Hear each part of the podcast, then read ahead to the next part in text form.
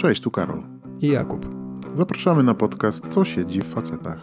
Będziemy mówić o tym, co czasem wolimy przemilczeć albo wyśmiać.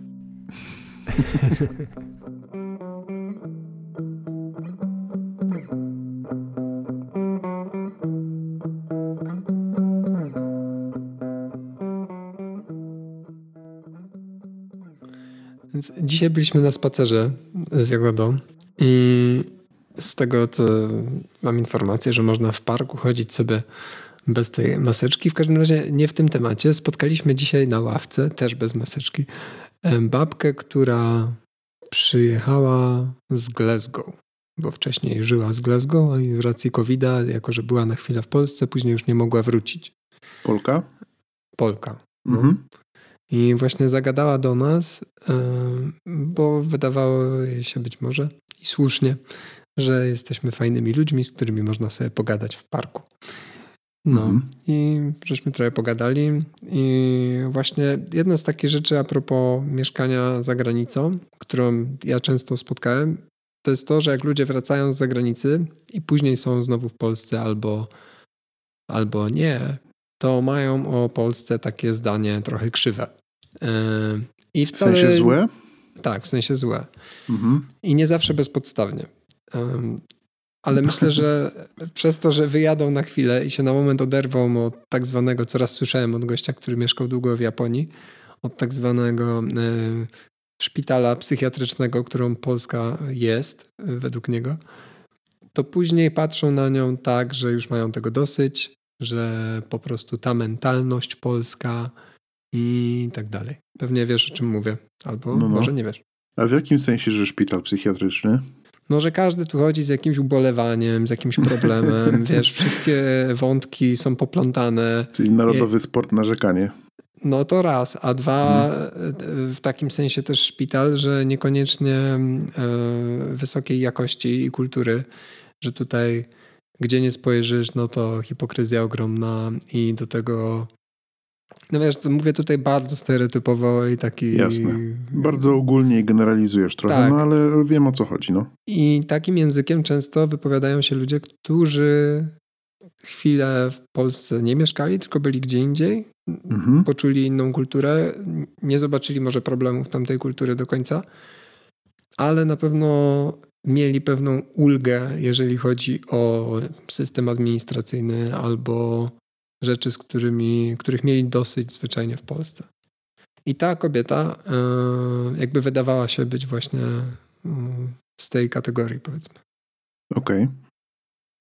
A ty, powiedz, bo ty teraz mieszkasz za granicą. No I, mieszkam od 6 lat. No właśnie, to już 6 lat można się zadomowić. Tak długo jeszcze nie mieszkałem w jednym miejscu za granicą. Mhm. I jestem ciekaw, na przykład zaczynając od tego, jak ty rozumiesz takie wypowiedzi, jakbyś usłyszał kogoś tak właśnie w parku? No ja je rozumiem doskonale, tylko, że, tylko że to jest, to jest trochę pułapka, bo wiesz, za, zawsze jest tak, że jak to mówią, e, trawa jest bardziej zielona po drugiej stronie, nie? Mhm. U sąsiada. No, no. I oczywiście, że są różnice, które bardzo łatwo zauważyć i też... Y, bardzo łatwo jest nabrać takiego negatywnego nastawienia do tego, co się dobrze zna, dlatego że to, do czego wyjeżdżasz, jest inne, często świeższe, no bo wiesz, z jakiegoś powodu podejmujesz taką decyzję, nie? Mm. Żeby pojechać, więc jak już wyjeżdżasz, to trochę się idealizuje te miejsca, w które się wyjeżdża i e, no pułapka jest taka, że jakby Mam takie doświadczenie, że ludzie, którzy mają najwięcej złego do powiedzenia na temat Polski, są jednocześnie jej najlepszymi ambasadorami. I to mówię zupełnie serio. Że ci, którzy mają naj... wszystko, tak. co najgorsze do powiedzenia, są jej najlepszymi ambasadorami. Taka jest moje, takie jest moje doświadczenie, bo to są ludzie, którzy w jednym zdaniu potrafią powiedzieć, i ja też często się na tym sam złapałem, że w jednym zdaniu potrafią powiedzieć, że na przykład jest to polityczne bagno i ludzie są niemili, mhm a z drugiej strony powiedzieć, że tam jest najlepsze jedzenie i w ogóle najlepsze, najładniejsze jeziora i najpiękniejsze krajobrazy e, i że w ogóle kultura mm, polska jest, y, jest też bardzo rozwinięta i tak dalej. I wiesz, potrafię piać peany na, na, na, na temat Polski przez bardzo tak. długi czas. Więc y, wiesz, to jest, to jest trochę takie połączenie oczywiście zauważenia tego, co złe, no bo wyjechało się z tego i może nie ma się już do czynienia z tym, co kiedyś wkurzało, na przykład, nie wiem, agresyw, agresja na ulicach, jeśli chodzi o kierowców, albo e, no nie wiem, na przykład to, że ludzie się mniej uśmiechają niż w innych krajach. No to, to są, wiesz, fakty, które się zauważa, nie? No, no. I z jednej strony jest to po prostu obserwacja, no a z drugiej strony, wiesz, wydaje mi się, że to jest trochę takie jest takie powiedzenie, które trochę jest żartobliwe. Mówi się, że wiesz, można, moż, możesz wyjechać z Polski, a Polska nigdy nie wyjedzie z ciebie. Mm, no, no, no. I no kurczę, no wychowaliśmy się w tym kraju, nie? Jeśli nie mamy jakiejś takiej konkretnej traumy, bo nie wiem, tam, nie wiem, jakiś urzędnik spowodował śmierć e, rodziców, albo wiesz, tego typu jakieś takie hardkorowe rzeczy, to jednak ta Polska to jest ojczyzną i wydaje mi się, że większość ludzi jest patriotami z takiego, w, takim, w takim sensie, że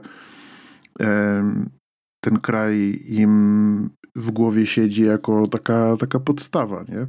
No mówisz jako osoba, która stąd wyjechała, teraz to słyszę. I ja oczywiście też lubię Polskę, ale mierząc się na przykład z takimi rzeczami, które ona tu mówi, które są bardzo obiektywne, bo te, o których mm -hmm. mówisz, też są trochę takie emocjonalne, że o jedzenie, tak, tak, o tamte zdecydowanie, widoki. Zdecydowanie emocjonalne. No Litwo ojczyzno moja. Tak. I oczywiście. I wiesz, takie twarde rzeczy jak ta rzeczywistość, nie wiem, powiedzmy samotnej kobiety e, i jej przychody, albo jakieś sytuacje przedsiębiorców i ich wspieranie I w ogóle no, sytuacja ekonomiczna, która myślę, że najbardziej się ludziom rzuca w momencie, jak wyjadą na zachód, pomimo mhm. tego, że na wschodzie jest jeszcze trudniej pewnie w pewnie. innych miejscach. No ale jak się raz pojedzie w miejsce, gdzie rzeczy są już uproszczone, już są ułatwione, gdzie um, życie w dobrobycie trwało dłużej niż u nas, no. to nagle patrzysz sobie na tą rzeczywistość Polski i na tą mentalność, gdzie to się wciąż odbywa albo wciąż to dorasta, a z drugiej strony jest taka też obawa wieczna, że coś się może nie udać. Mhm. I albo że, że system nie działa w taki sposób, aby ciebie wspomóc, tylko zawsze musisz kombinować, prawda? Żeby go w jakiś sposób ominąć. No tak, tak. No, Wiesz co, no to ja, no, ja ci powiem tak, no byłem tydzień temu przecież w Polsce, nie? Mm. Byłem w Polsce, no powiedzmy cały tydzień, prawie. E, wróciłem zmęczony tym, tym miejscem, na pewno, nie? Tylko wróciłem zmęczony głównie dlatego, że po prostu yy, wróciłem do miejsca, w którym jest mi lepiej zwyczajnie, nie? Mm ale to nie zna... I mógł, wiesz, mógłbym ci wy, mm, wymienić bardzo dużo sytuacji, dlaczego było mi, dlaczego mnie zmęczył taki pobyt w Polsce, nie? No, no.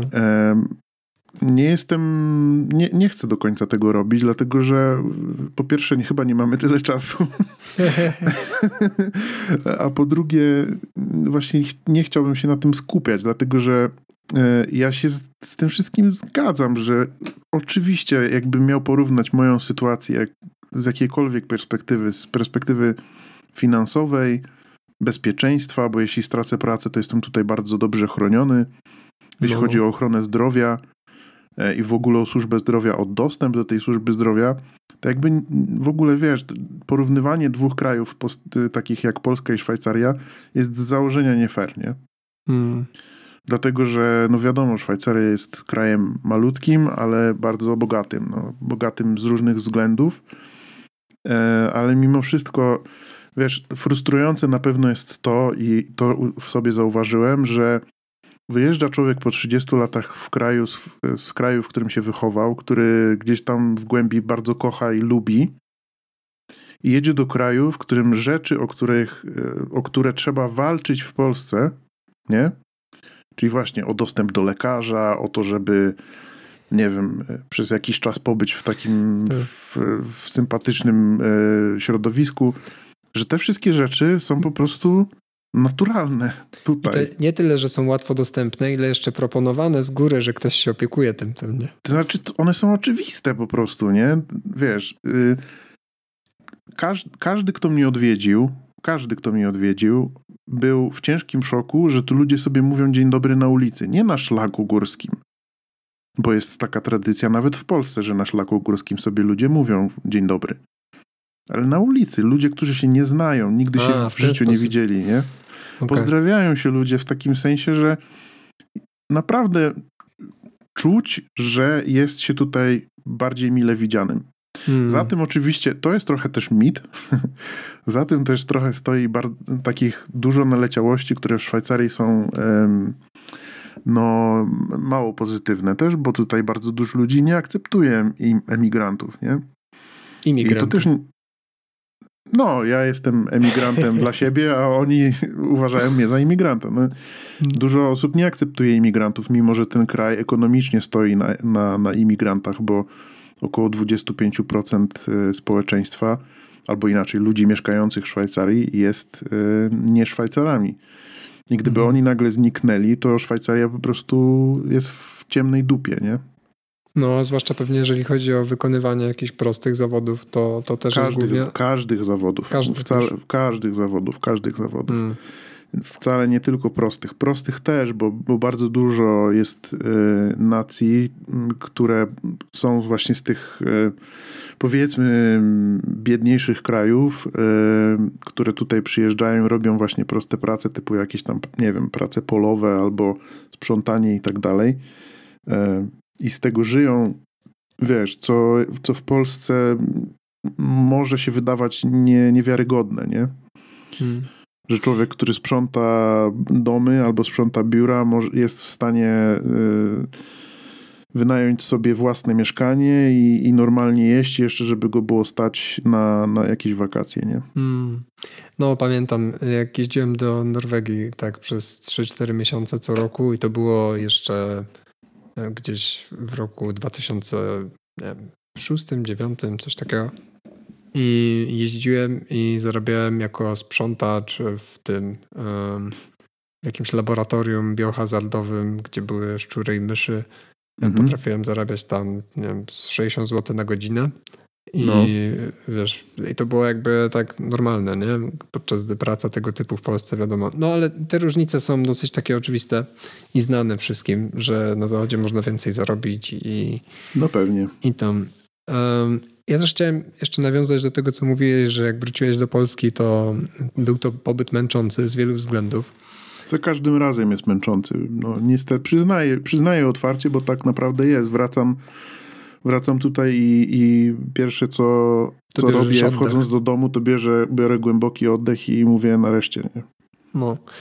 I z jednej strony mógłbym powiedzieć na fali stereotypów, że tak, że to przez to, że Polska, ale raczej bym powiedział, że to nie przez to. Na przykład ja mieszkam teraz w Warszawie. Spotkaliśmy się, ty i ja, ostatnio w moim domu rodzinnym pod Poznaniem.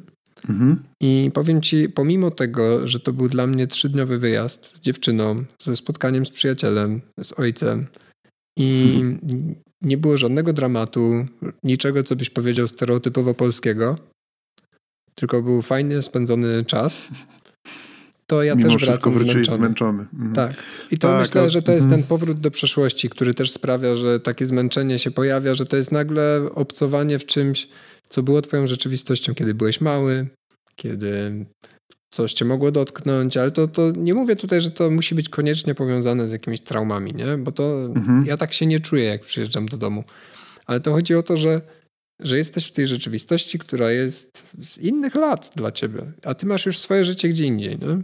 I takie tak, tak, oczywiście. To, to wcale nie musi wynikać tylko i wyłącznie z tego, że na przykład, nie wiem, spotkałem e, więcej idiotów na trasie Wrocław-Poznań na, na S5 e, w dwie godziny niż tutaj praktycznie przez rok, nie? A tak, no jak wracałem autostradą, to, to tak, to ci co jeżdżą no. tak, że nagle masz kogoś na plecach i po prostu mhm. mówisz sobie, ej, o co chodzi, nie? to, to nie musi być tylko z tym związane, ale też takich sytuacji mógłbym wymienić sporo, nie? Ale y, oczywiście zgadzam się z tym, że wiesz, jak się wyjeżdża buduje się takie swoje zupełnie niezależne życie. Jesteś sobie, jesteś sobie sam sterem, okrętem e, i nagle wracasz do sytuacji, w której no jednak jesteś w jakiś sposób zależny od, e, od, od, rodziny, bo ją odwiedzasz i jest napięty grafik i wszystko jest takie trochę w pośpiechu i wszystko jest e, takie niedokończone, można powiedzieć, nie? Może niedopowiedziane też wszystko. To no to to jest wyczerpujące, bo to jest zupełnie inne życie niż ja mam na co dzień też, nie? Tak, tak. Więc y, wydaje mi się, że nawet jakbym nie pojechał do rodziny, tylko pojechałbym, nie wiem, gdziekolwiek indziej y, i miał napięty grafik, to wróciłbym równie zmęczony, nie? Więc też nie chciałbym zwalać tego, te, tego tylko na Polskę, ale hmm. nie ukrywam, chciałbym, żeby to nie było jakby meritum naszej rozmowy, ale y, że zauważam bardzo dużo negatywnych rzeczy, które, które, dla których brak jest dla mnie ulgą. Mm. Tu, gdzie mieszkam. Tak. No. no. dla mnie czymś takim, co się mocno rzuca, co jak mieszkałem w Hiszpanii, to miałem okazję doświadczyć czegoś przeciwnego i bardzo mi się to podobało. To, jak bardzo przyjaciele są w stanie cię wspierać i cieszyć się twoimi sukcesami i jakby prowadzić mhm. cię dalej i pokazywać, że te twoje sukcesy to jest w ogóle e, ich radość i, i dawać ci taki zaangażowany, fajny feedback, e, że wiesz, że ja się cieszę, bo ty rośniesz, nie? I to mhm. jest taka kultura przekazywania tego, takiego cieszenia się. Taka kultura radości po prostu no, wspólnej. Takiej, jak mhm. ja to tam doświadczyłem. E, mhm. Bo na pewno też są tam, wiesz, wszystkie dostępne e, sposoby podejścia do życia. Mhm. Ale e, to, jak tutaj czasem trzeba się przebić, żeby ktoś powiedział ci, stary, robisz dobrą robotę w ogóle, wiesz, to, co robisz jest ważne. Ty jesteś mhm. ważnym człowiekiem w życiu. Um, no, to można stracić dużo czasu, żeby chcieć się tego doczekać. Mhm. I dzięki też życiu za granicą mogłem zobaczyć, jak ludzie tak na luzie mogą po prostu dać ci to za darmo. I być może dlatego, że sam jesteś przyjezdnym, kto wie, i inne kultury chcą się pokazać od tak najlepszej strony. Mhm. Ale jak już gdzieś żyjesz, no nie wiem, tak jak ty 6 lat tam, albo ja 3 lata wtedy mieszkałem w Hiszpanii, to też wiesz, już widzisz, że to, to nie jest dlatego, że ktoś się reklamuje, tylko że tak po prostu tam trochę jest. No tak, tam jest. No. Wiesz, no trudno jest się nie zakochać też w, w mieszkaniu w Barcelonie, gdzieś tam z widokiem na morze, nie? No, no. Z, z dachu, na którym można siedzieć praktycznie cały rok, bo, bo nie masz minus 20 stopni, nie? Mm-hmm. To są też takie różnice, różnice, które powodują, że człowiek trochę żałuje, że tak nie jest w innych miejscach, nie? No, no, no to było na pewno piękne, że można sobie no. zjeść śniadanie z widokiem na morze i na całe miasto. No. No, a jak się odwrócisz, to Sagrada Familia. No, to prawda. No pamiętam, byłem. No. Byłem. byłem i też jedliśmy tam śniadanie. I nie tylko śniadanie na tym tarasie. No, taka egzotyka świetnie robi. Nawet jeżeli powiedzmy jest egzotyka lokalna, bo to wciąż Europa, ale mówią Spain is different i myślę, że też chodzi o to, że jest different niż Europa. Podobnie trochę jak Grecja też jest different. I mhm. No ja tam bardzo odpocząłem. To był taki mój pierwszy kraj, gdzie mieszkałem długo poza Polską. I wcześniej mieszkałem pół roku w Austrii jeszcze. No Ale... dobra, pojechałeś do, pojechałeś do Hiszpanii i jak, jak ty to odczułeś z kolei? Um, no, zaczęło się od wyjazdu na Erasmusa. Mhm. I spędziłem tam pół roku. Pamiętam, pojechałem w krótkich włosach, ogolony. A wróciłem w długich włosach i z zarostem. A znałeś język przed wyjazdem? Nie.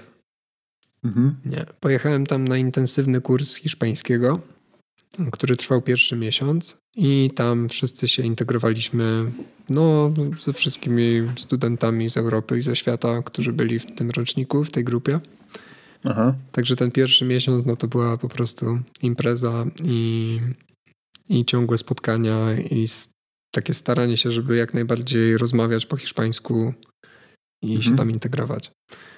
No, co wypadło, no super. I po pół roku e, ja miałem ochotę tam zostać dłużej, tak ja to pamiętam. Z kolei mój tata pamięta to tak, bo ostatnio jakoś o tym gadaliśmy, że jak on tam przyjechał, jak mi się kończył pierwszy semestr, to ja zacząłem narzekać, że mi się już nie chce studiować, że po co mi studia, skoro ja mogę zarabiać i tak już dużo zarabiam bez, bez tego, nie? Bez dokończenia, mogę być programistą i nic nie robić. No, no. A on mnie wtedy namówił, że ja te studia skończył i w ogóle według jego wersji oni mnie namawiali razem z mamą, żebym ja tam został na dłużej w tej Hiszpanii. Bo oni sami studiowali w Moskwie. I okay. wiedzieli, co to jest, żeby się obyć z inną kulturą i dokończyć studia. E, więc posłuchałem tej rady. Albo, tak jak ja to pamiętam, po prostu napisałem też do swojego dziekanatu, że chcę mieć przedłużenie, bo strasznie mi się to podoba. No i to był dla mnie duży przeskok, że w momencie jak z pół roku wiedziałem już później, że ja tam jeszcze zostanę pół roku, to ja się tam zacząłem jakby przyzwyczajać mocniej do tego, że ja tu nie jestem na wakacjach, że ci ludzie już mnie znają pół roku i ja zaczynam z nimi tworzyć jakieś kontakty głębsze. Czyli zacząłeś współtworzyć społeczność. Tak, tak. I, i to mhm. zaczęło być dla mnie no, takim zaangażowaniem, że ej, ja mieszkam w Hiszpanii. Później, kiedy te pół roku się skończyło, ja już mówiłem bardzo fajnie po hiszpańsku i wróciłem wtedy do mojej dziewczyny. Pojechaliśmy, ja tylko skończyłem studia, zrobiłem ten egzamin magisterski w Polsce. Pojechałem do Austrii na pół roku razem z nią. Tam mieszkaliśmy przez pół roku, rozstaliśmy się i ja wróciłem później do Hiszpanii, bo dostałem fajną ofertę pracy. I tam zamieszkałem wtedy już nie w Madrycie, tylko w Barcelonie na dwa lata. Mhm. No i to było doświadczenie, które kompletnie odmieniło moje życie totalnie. Nie? Jakby hmm. nic już nie było takie same. Bo... Nawet jeśli chodzi o skład chemiczny twojego ciała. Nawet też wiesz. po siedmiu latach nawet od tamtego czasu jakieś ślady zostały. Zbierasz żniwo jeszcze. No, to był dla mnie czas, kiedy no po pierwsze też musiałem zacząć sobie tam żyć kompletnie swoim dorosłym życiem od początku sam. Mhm. Czyli zebrać się i z pracą, i z nowym towarzystwem tam, bo nie znałem nikogo. No i stanąć na nogi na różne sposoby społeczne, jakie się da. Nie wiem, czy to grać w zespole tam, czy yy, wybierać sobie jakieś swoje ulubione knajpy, wychodzić ze znajomymi, spotykać się po ich domach, poznawać ich rodziny, jechać gdzieś z nimi na wakacje w, w Hiszpanię spotykać też starych znajomych z Madrytu w Barcelonie, co w ogóle było czymś takim, że, że ja tam zostałem dłużej, w sensie takim, że z tego doświadczenia Erasmusowego w ogóle wybrałem tam żyć. To było mhm. już pogłębienie takie ogromne. A najważniejszym pogłębieniem takim świadomościowym było to, że ja się tam nauczyłem mówić o swoich emocjach. I to po hiszpańsku. Wcześniej ten mój świat emocjonalny, można powiedzieć, był ubogi, reaktywny, taki stereotypowo męski z czasów studiów, powiedzmy. Że nie zastanawiałeś się nad tym za wiele, chyba że bolało, nie? No, czaję. No.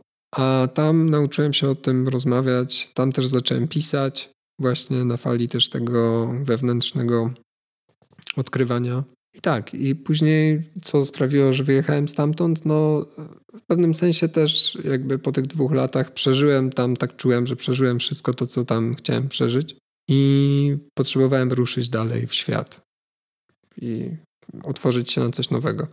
A tak, tak to wyglądało. To mogę I w sobie... gruncie rzeczy tak wyjechałeś w świat, że wróciłeś do Polski. No wiesz, nie tak szybko.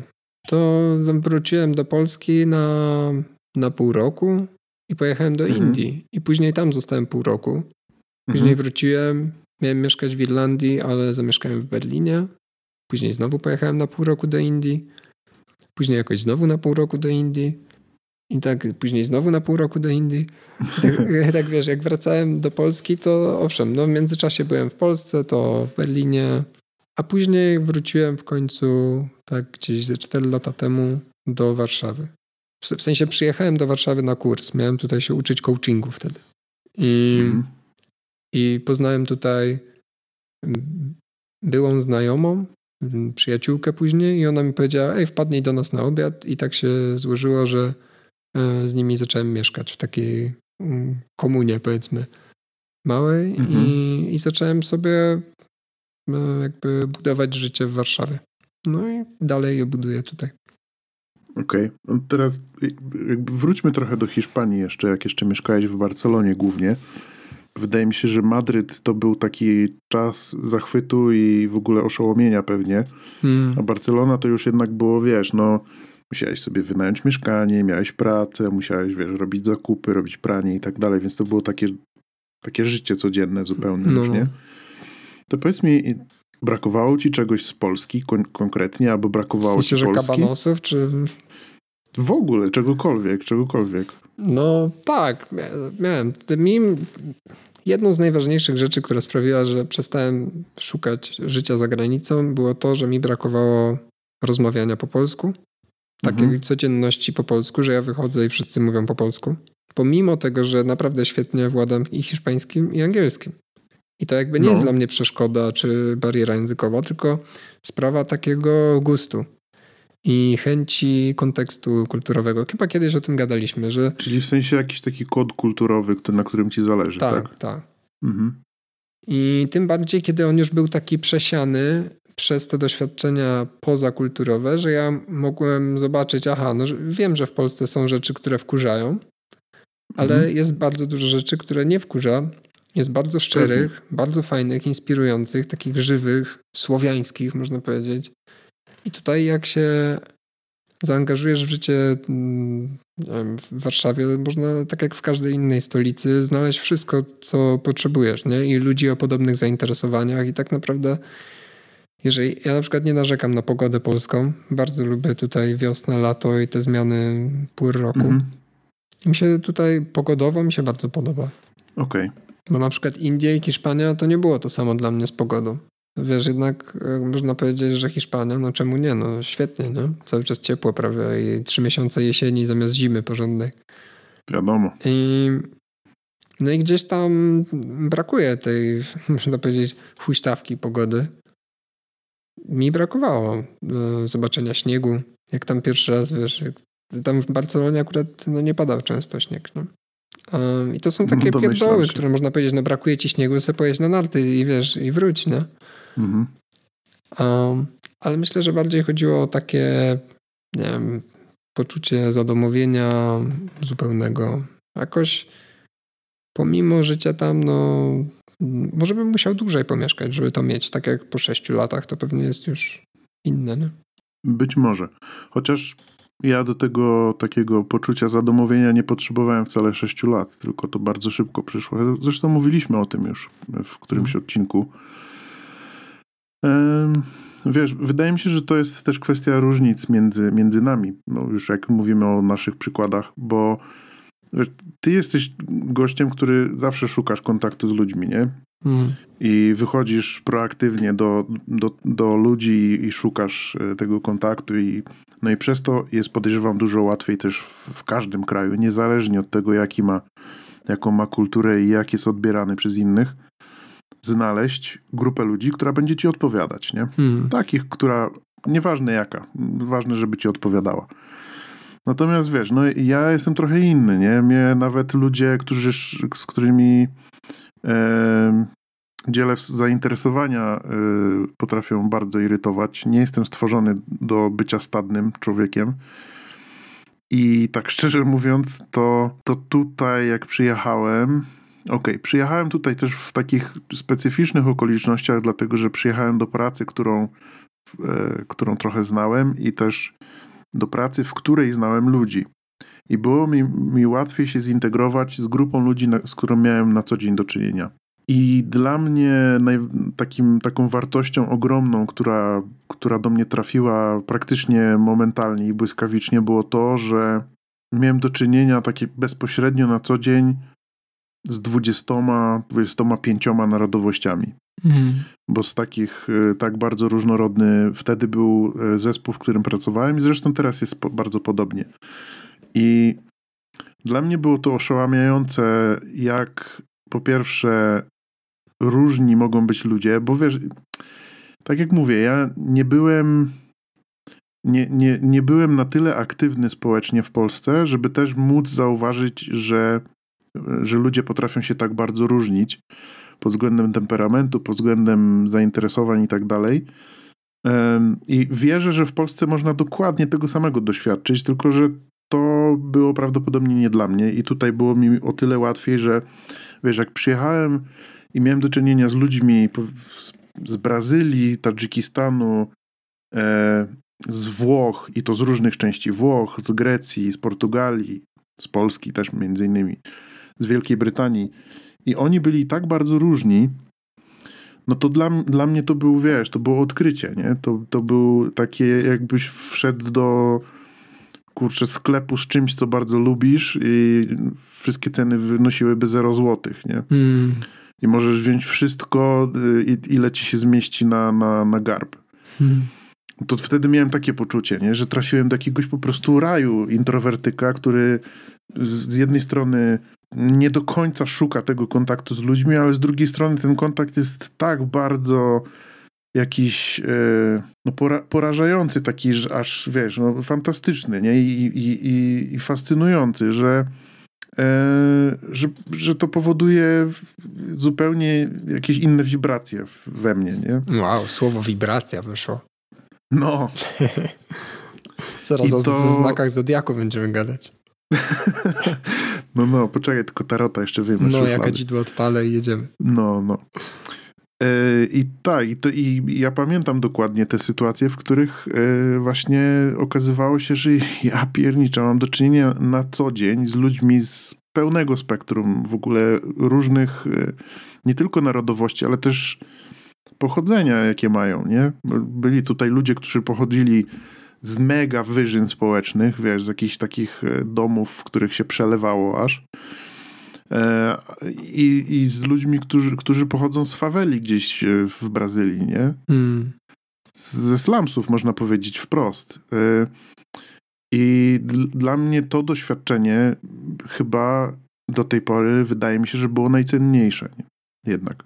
I oczywiście, oczywiście, że jest, wiesz, są sytuacje, w których chciałoby się komuś przetłumaczyć polski żart, nie? Albo pokazać jakąś polską komedię z lat 70., nie?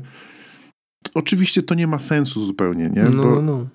jak ktoś się nie wychował w tym kodzie kulturowym, nie zna języka, nie zna smaczków, no nie ma szans, żeby to zrozumiał, nie? No, no. Tak samo jak podejrzewam, my z Monty Pythona też bardzo dużo rzeczy nie rozumiemy, dlatego że tam są ukryte takie rzeczy, które żeby rozumieć, to, to po tak. prostu trzeba się tam urodzić. Nie? Tak, i to nawet nie chodzi o ten żart taki wprost, że żeby razem oglądać to, tylko że to jest taki przesyt gdzieś tego podskórny, znaczy nie przesyt, tu źle użyłem słowa, że, że masz tego doświadczenia gdzieś tam i one się składają takimi małymi klockami, że później wystarczy lekko przekręcić słowo polskie, żeby ci się złączyło z czymś tamtym, co obydwoje znacie i wywołuje to na przykład duży śmiech, nie?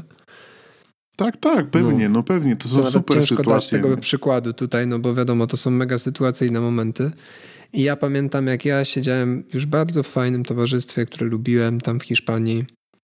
I jesteśmy ze znajomymi, z Hiszpanami, też ludźmi z różnych krajów, ale głównie z Hiszpanami. I oni po hiszpańsku byli w stanie ze sobą te dowcipy uskuteczniać.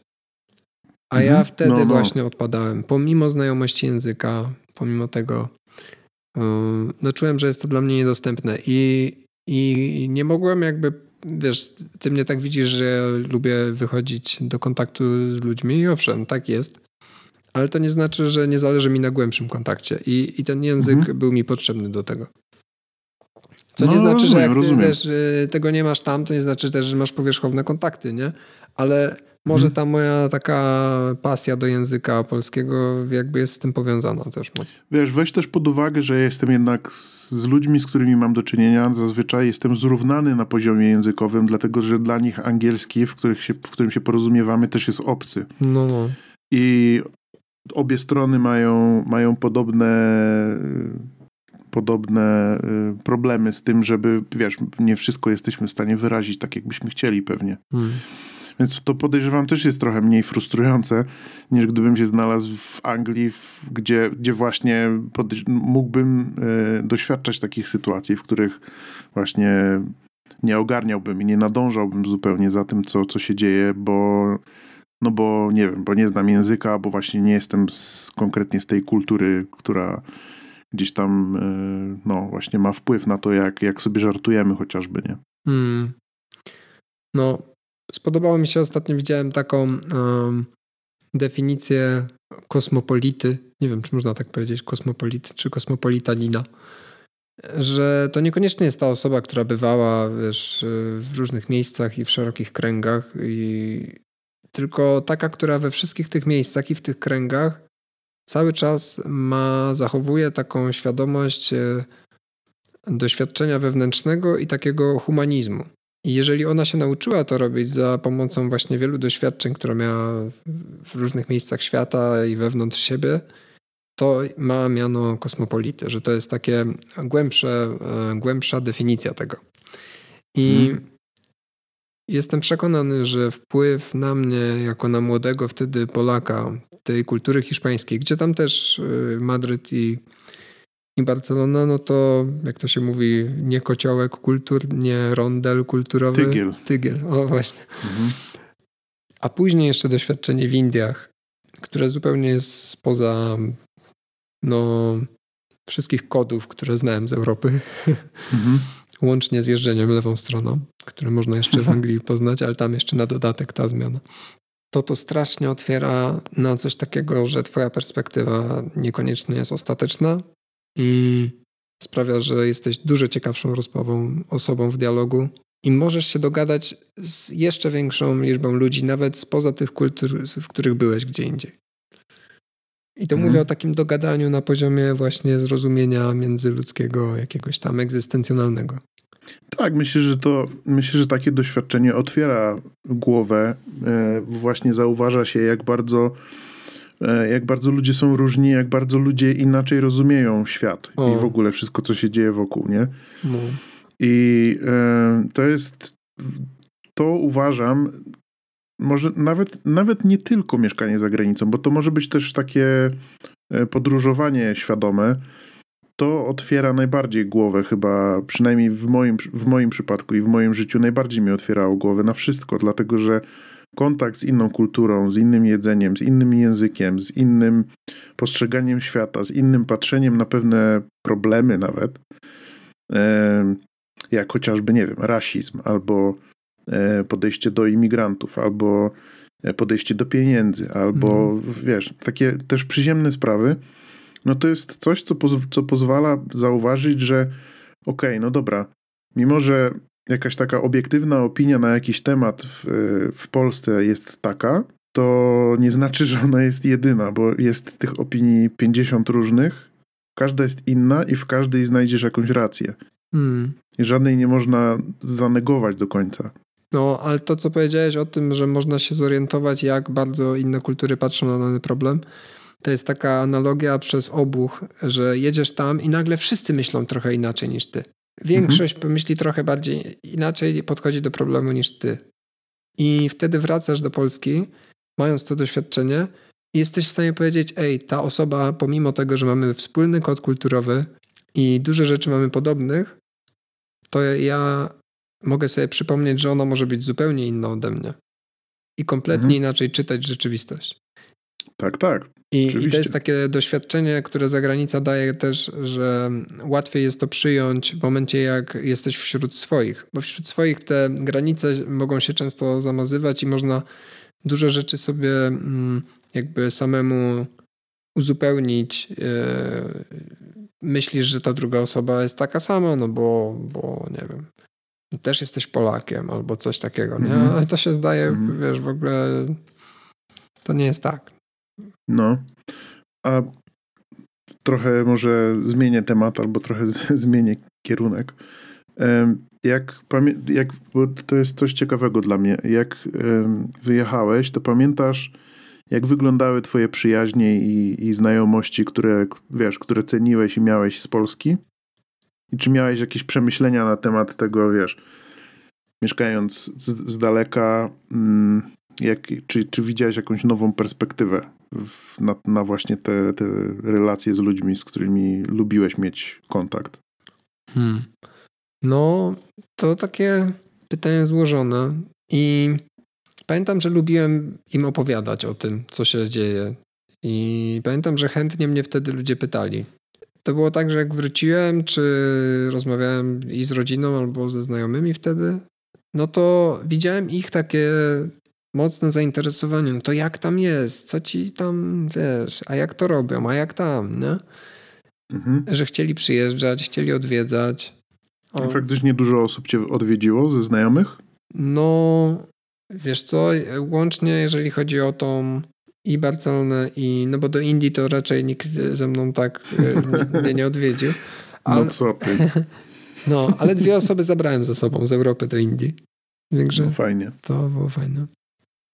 A w Hiszpanii odwiedziły mnie myślę, że nie wiem, ze 4-5 osób. I to jest głównie rodzina i ty. Więc ci, którzy. No i jeszcze dziewczyna wtedy i. I myślę, że jak, tak to nie pamiętam, że mnie odwiedzało oprócz tych właśnie takich pięciu głównych osób jeszcze ktoś, nie? Mhm. Jak do tego podchodziłeś? No tak, pewnie, że, że może nie mają. Chociaż nie, jeszcze inna dziewczyna mnie później odwiedziła. O, cześć, zaczynają się mnożyć te osoby, jak sobie przypomnę no, tamte czasy. Się, zaczynają się problemy, musisz magiczny pamiętniczek teraz Ehe, wyjąć Excel, ze wszystkimi Excel. imionami. no. O, jak do tego podchodziłem? Wiesz, trochę też nie pamiętam. Trochę może czasem było mi przykro z tego powodu, że niektóre przyjaźnie przestają mieć takie znaczenie, um, mhm. A pojawiają się nowe. I szczerze mówiąc, no było to już Jezus Maria, nie chyba 10 lat temu wyjechałem, Karola, to, to z 7 lat temu już przestałem tam być. I... 10 lat temu to ja byłem u ciebie, więc y, no to musiało być więcej niż 10. No, no. Tak, wyjechałem no. w 2009, no więc to już też tak nie wszystko wtedy pamiętam nie? z tamtych czasów. Okej. Okay. Ale, ale ja tam miałem tyle przeżyć i znajomości, że nie pamiętam, żebym narzekał na to, że ktoś do mnie nie przyjeżdża. Mhm. E, a ci, co chcieli, to przyjechali. E, rodzina przyjechała, wszyscy z rodziny i też myślę, że to było wystarczające. Mhm. Czemu o to pytasz? No, pytam dlatego, że ja mam swoje przemyślenia. No, myślę, że to twoje jest... pytanie było tak skomplikowane, że musiało być własne, nie? Tak, tak, no. tak, tak. To jest w sensie pytanie z tezą. Do siebie, tak. Pytanie z tezą. tak, na siebie. um, A to jest ja twój mam... rodzaj prowokacji. Ty czasem mówisz, że to ja tak prowokuję. No to są takie twoje pytania. Okej. Okay. A powiedz mi, e, dlaczego ja... akurat zielony kolor nie jest twoim ulubionym, skoro jak idziesz przez las, to patrzysz w liście? Ale mój ulubiony kolor jest zielony. E, Okej, okay. ja mam takie przemyślenia dotyczące znajomości, że niestety mam takie dwie przyjaźnie, może nie jakieś mocno zażyłe przyjaźnie, ale jednak przyjaźnie, które się troszeczkę e, rozsypały przez to, że no, z jednej strony nagle odległość, więc trudno jest się spotkać bardziej spontanicznie, to na pewno, ale z drugiej strony to jak byłem w Polsce, chciałem się spotkać, nie było na to, czy ta druga strona nie znajdowała na to czasu, co było, wiesz, takim trochę zawodem jednak, nie? Bo jak y, anonsujesz się miesiąc wcześniej, czy trzy tygodnie wcześniej, że będziesz w Polsce i umawiacie się na jakąś na, wiesz, na, nawet na przysłowiowe piwo, nie? Albo żeby zbić sobie piątkę. Hmm. I w ostatniej chwili się okazuje jakiś bullshit. E, to wiesz, no jest to zawód, nie? E, I pytam z tego powodu, że, że oczywiście bardzo często słyszę, o, muszę cię odwiedzić, muszę cię odwiedzić, nie? A z tego tak naprawdę nic nie wynika, nie? Hmm. Mało kto mnie odwiedził. Ty, no, znaczy, jest grupa osób, która mnie odwiedziła, nie? Ale mało kto mnie odwiedził, naprawdę. I to jest tak, taki, wiesz, trochę gorzkie doświadczenie jednak, no? Bo... może być, no rozumiem cię. Też takie trochę weryfikujące, jak na to spojrzysz, że komu naprawdę zależy, nie? Bo to trzeba i wydać kasę, i wydać swój czas, i, mhm. i powiedzieć, chcę tam być, bo on tam jest. Chyba, że tak, akurat tym jest bardziej, po. Że też, tym bardziej, że zresztą byłeś, to wiesz, że ja jak przyjeżdżają tutaj osoby, które są pierwszy raz w Szwajcarii w okolicy, to ja staram się naprawdę pokazać jak najwięcej super ciekawych miejsc, nie? Mm. bo tutaj w okolicy przecież jest, no kurde, można, wiesz, trzy tygodnie spędzić nie robiąc nic, tylko odwiedzając miejsca, które wbija, wybijają z butów, nie? No. E, I to jest też, wiesz, że chciałoby się wielu znajomym taką wycieczkę zafundować, nie? I, I wiesz, pokazać im ciekawe rzeczy. I oczywiście abstrahując od tematu kasy, bo nie wszystkich na to stać też, nie? I tu nie chciałbym absolutnie w jakikolwiek sposób krytykować tego, ale jest wiele osób, których stać. Jakoś, no nie wiem, no trochę jest to przykre, że wolą pojechać e, nie wiem, na wakacje na, na dwa tygodnie na, nie wiem, na, na, do Tajlandii, e, kilka lat z rzędu podróżując w inne miejsca, niż raz przyjechać też tutaj i, i chociażby się spotkać, nie? To jest takie, wiesz, no słabo. Ja to, ja to ciężko znoszę czasami, mm. muszę przyznać. A, a, a jeszcze ciężej znoszę te sytuacje, w których przylatuję do Polski. No, no, czasami się zdarza tak, że nie jestem w stanie się zaanonsować wcześniej, bo tak jak wiesz, ostatni tydzień miałem teraz być w Polsce, a nie tydzień temu. I były inne plany trochę, i też mieliśmy inaczej trochę ten czas rozplanować, i mieliśmy się spotkać z innymi ludźmi. No ale jest jak jest, ale jak już jestem w stanie się zaanonsować wcześniej i wiem, że ta osoba ma czas, nie? I że niekoniecznie jest tak, że wy, wystąpiło jakieś trzęsienie ziemi i do spotkania nie dochodzi, bo w zasadzie to nie wiadomo dlaczego, bo komuś po prostu akurat cię nie chciało, no to jest bardzo gorzkie uczucie. Mm. No. Bardzo takie nieprzyjemne i rzeczywiście to, co powiedziałeś, ono weryfikuje wiele. No, no. Wiele weryfikuje. Tak, ja takich weryfikujących przeżyć miałem sporo, ale to akurat niekoniecznie związanych z życiem za granicą. Tylko mhm. takich, e, tak jak mówisz, ja szukam kontaktu, chętnie zaproponuję wyjście, chętnie kilka razy powiem, hej, może się spotkamy. I, i wiesz, i jeżeli bez jakiejś takiej podstawy nagle ktoś albo w ogóle nie odpowiada, albo mówi, że się spotkamy, oddzwoni, ale tego nie robi. Mhm. A wcześniej czasem, wiesz, na czacie powie coś fajnego albo coś ten, to nagle masz takie wrażenie jakby, ej stary, jakby wiesz, o co chodzi, nie? No, no. Co, co to jest za połowiczna w ogóle mm, rozmowa, no, no i i to tym bardziej, jak jeszcze wracasz z daleka i na przykład masz nadzieję na to, że się z kimś spotkasz. No bo jak jesteś na miejscu, to tak jak mówisz, no komuś coś wyleci, to ta wielka nadzieja taka nie jest, a tu wracasz. No, no, pewnie, pewnie. Przyjeżdżasz na krótki czas, chcesz to. Tak. wbić, e, wbić w kalendarz jakieś spotkanie i to spotkanie nie dochodzi do skutku. No trochę słabo. No. A powiedz mi, jak mieszkałeś za granicą, powiedzmy tam w Madrycie, w Barcelonie, to czy nawet w Indiach, chociaż to będzie trudniejsze pytanie na Indię, to spotkałeś dużo Polaków? Mm. No, w Indiach spotkałem mało Polaków. Domyślam się. Tak. I, I tam sobie na przykład, tam się cieszyłem, że spotykam Polaków, bo mhm. było ich mało.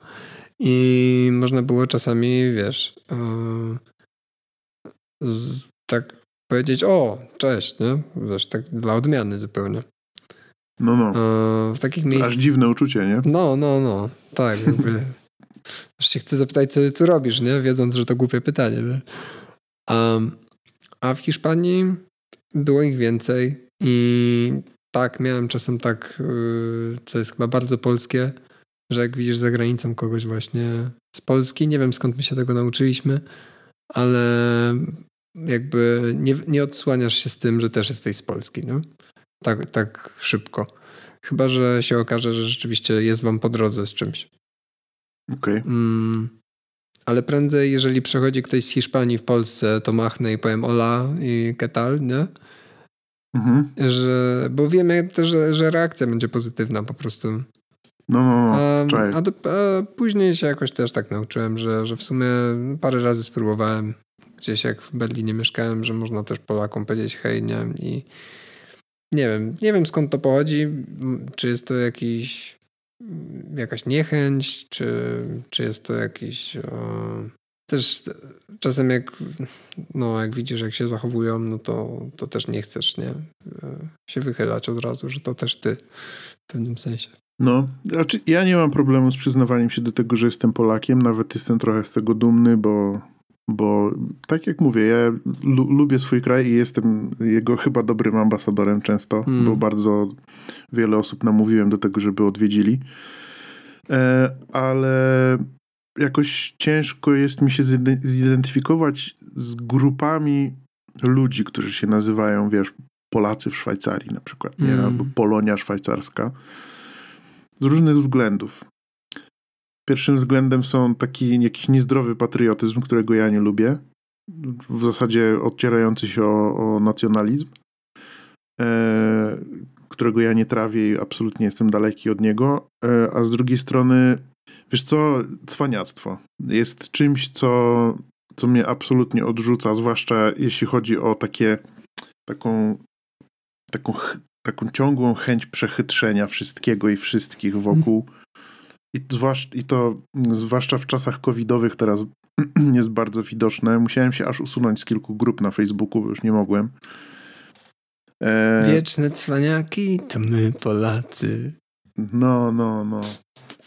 Tak, tak, tak. Wiesz, pytania typu jak... Yy jak, jak nielegalnie wjechać y, przez, przez które granice, żeby nikogo nie sprawdzili, albo e, które granice są mniej, mniej sprawdzane, jeśli chodzi o przywiezienie tańszego miejsca, mięsa z Francji.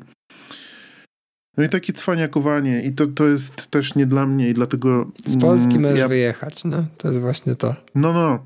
Ja Mam bardzo dużo Polaków, z którymi mam tutaj kontakt i jest ok, ale w momencie, kiedy tworzy się z tego grupa, to już jest bardzo duże prawdopodobieństwo, że ja do, do tej grupy nie będę chciał należeć za bardzo, bo, bo, no, bo, bo będą jakieś takie cechy tej grupy, które mi nie będą odpowiadać, niestety. Mm. No, kiedyś się spotkałem, to już bardziej anegdotyczna sprawa, ale spotkałem się kiedyś, bo widziałem, że grill jest organizowany polski. Tu, zresztą tu u mnie w miejscowości, nie? Więc sobie pomyślałem, no dobra, kurczę, mam 200 metrów do tego miejsca, czy tam 300, no to pójdę, nie? No co, co mi szkodzi, nie? Poszedłem sobie spokojnie, no i powiem ci, że była to po prostu Polska w pigułce, nie? Polska w pigułce i wytrzymałem chyba z godzinę i musiałem się ewakuować, bo nie byłem w stanie tego, nie byłem w stanie tego po prostu zdzierżyć. Ciężko jest mi teraz się nawet konkretnie odnosić do, do konkretnych ludzi, co mówili i jak, ale to no nie wiem, był, był, w tym jakiś, był w tym jakiś taka trucizna jakaś A. taka była dla mnie. No. E, I po prostu nie, nie chciałem, nie chciałem tam być. Co jest też, wiesz, no trochę szkoda, nie? Bo no bo ja po polsku na co dzień mówię bardzo mało, znaczy może bardzo mało, no mało mówię jednak. Hmm. I przyznaję, że fajnie byłoby pogadać y, po polsku tak bardzo regularnie i żeby, żeby się nie łapać na takich sytuacjach, jak czasami teraz, nawet jak nagrywamy podcast, że nie znam słowa po polsku, bo pierwsze, co mi przychodzi do głowy, to angielskie słowo. Hmm. To jest niestety objaw rzeczywistości, w której żyję, bo przecież w domu mówimy po, po angielsku, w pracy mówię po angielsku i tak e, moje życie troszeczkę się na te angielskie tory przystawiło. To ze mną ćwiczysz polski trochę. Tak, tak. No i też z ludźmi, z którymi mówię po polsku, no bo przecież mam kontakt często z bratem, z mhm. mamą, mm. ze znajomymi, którzy tutaj są, którzy są w Polsce, ale to jednak, e, no wiadomo, to jest mniejsza skala, nie? Mniejsze, no, mniej, mniej mówię po polsku i mniej mam kontakt z językiem. Hmm. No. Potem wynikają z tego głupie sytuacje, że nie pamiętam słowa, nie? I później ludzie ze mnie leją, o patrzcie, ten to już, o, o. Wspomniałeś o tej dumie z bycia Polakiem. E, ona jest mi też bardzo bliska.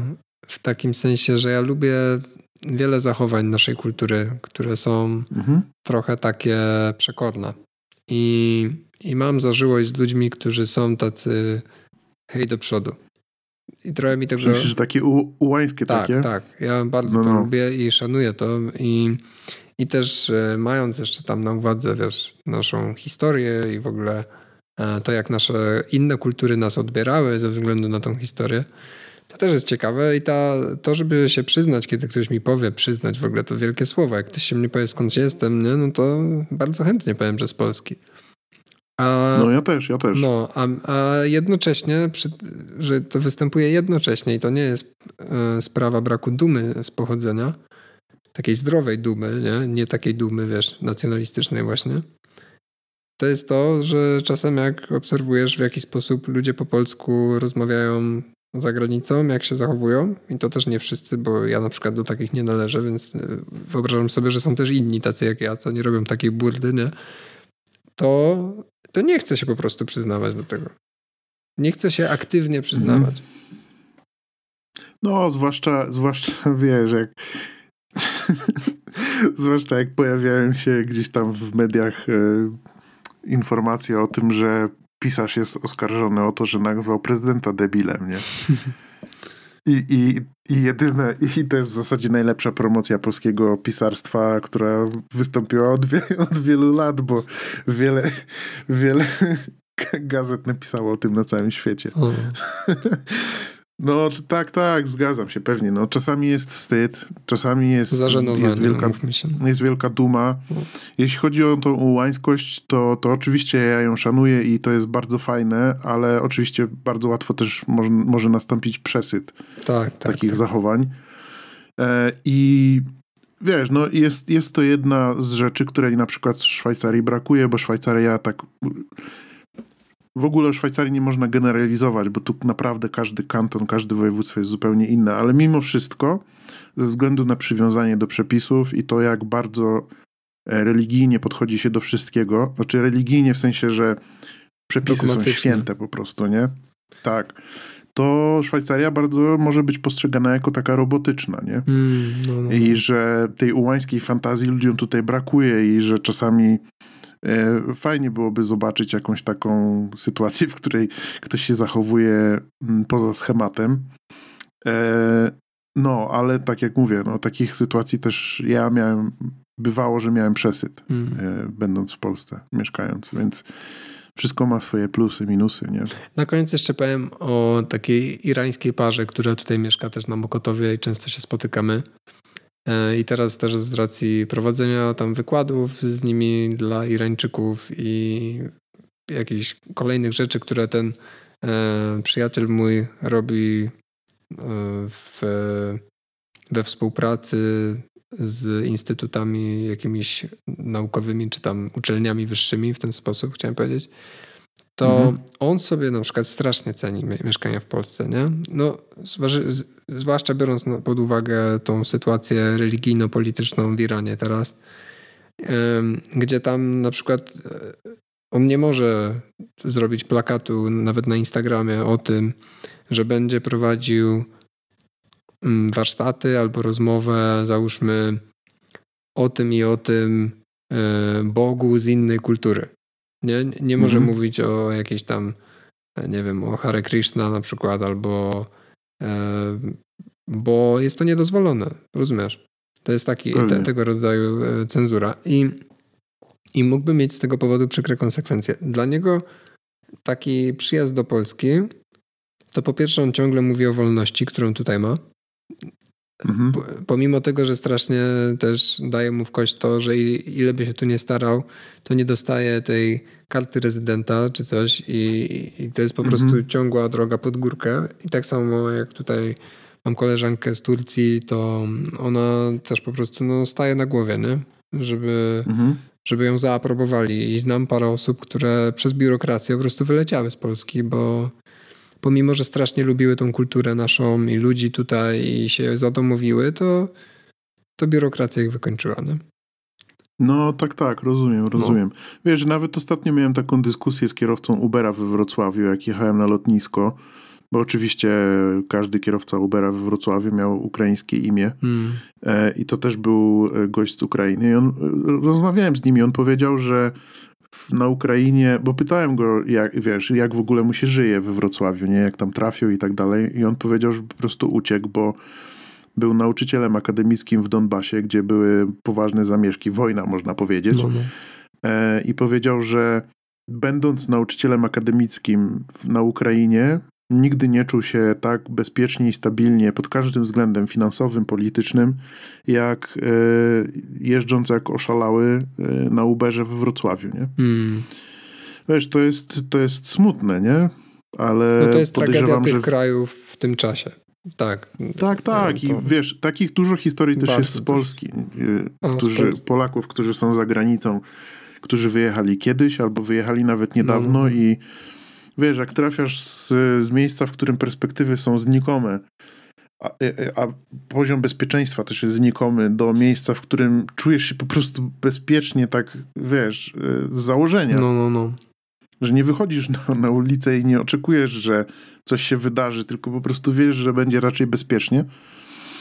No to, to, to są takie dość wstrząsające historie, tak. nie? Bywają przynajmniej. No. Ja ci powiem, na koniec tylko powiem anegdotę, jak ja się zachowałem jak debil i jak ostatni burak, y, będąc za granicą. Dawaj. Mianowicie byłem w Chinach i stałem, wstałem. Na jednej nodze praktycznie stałem w metrze, które było ściśnięte, wiesz, jak jakby, jakby kowadłem ściskali ludzi. E, otworzyły się drzwi, i byłem przy samych drzwiach, nie? Otworzyły się drzwi na stacji i stoi gość wyglądający na Chińczyka, gość z babką, która wygląda na Europejkę, stoją z wielką walizką i wchodzą do tego metra, nie? I patrzę się na nich i mówię, gdzie się wpierdalasz?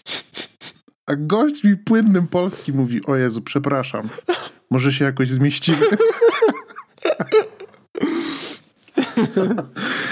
Oczywiście się poczułem jak ostatni kretyn, nie? Bo to, to nie, jakby to, to nie była agresja z mojej strony, tylko wiesz, no taka frustracja, wiesz, jechałem tym metrem, pamiętam chyba z 45 minut w takich warunkach, że naprawdę przypominały mi to warunki jakiegoś takiego pospiesznego, gdzie trzeba było przy kiblu koczować no, no.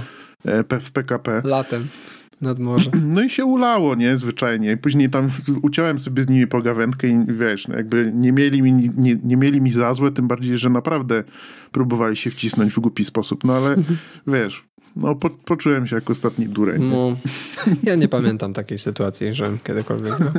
Na pewno wielokrotnie gdzieś się zachowałem jak kompletny debil i nie przepraszam za to. Swoją łańską fantazją. Ja, Zrobiłbym to jeszcze raz.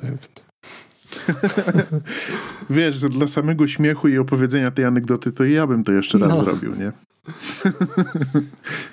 no. To do usłyszenia.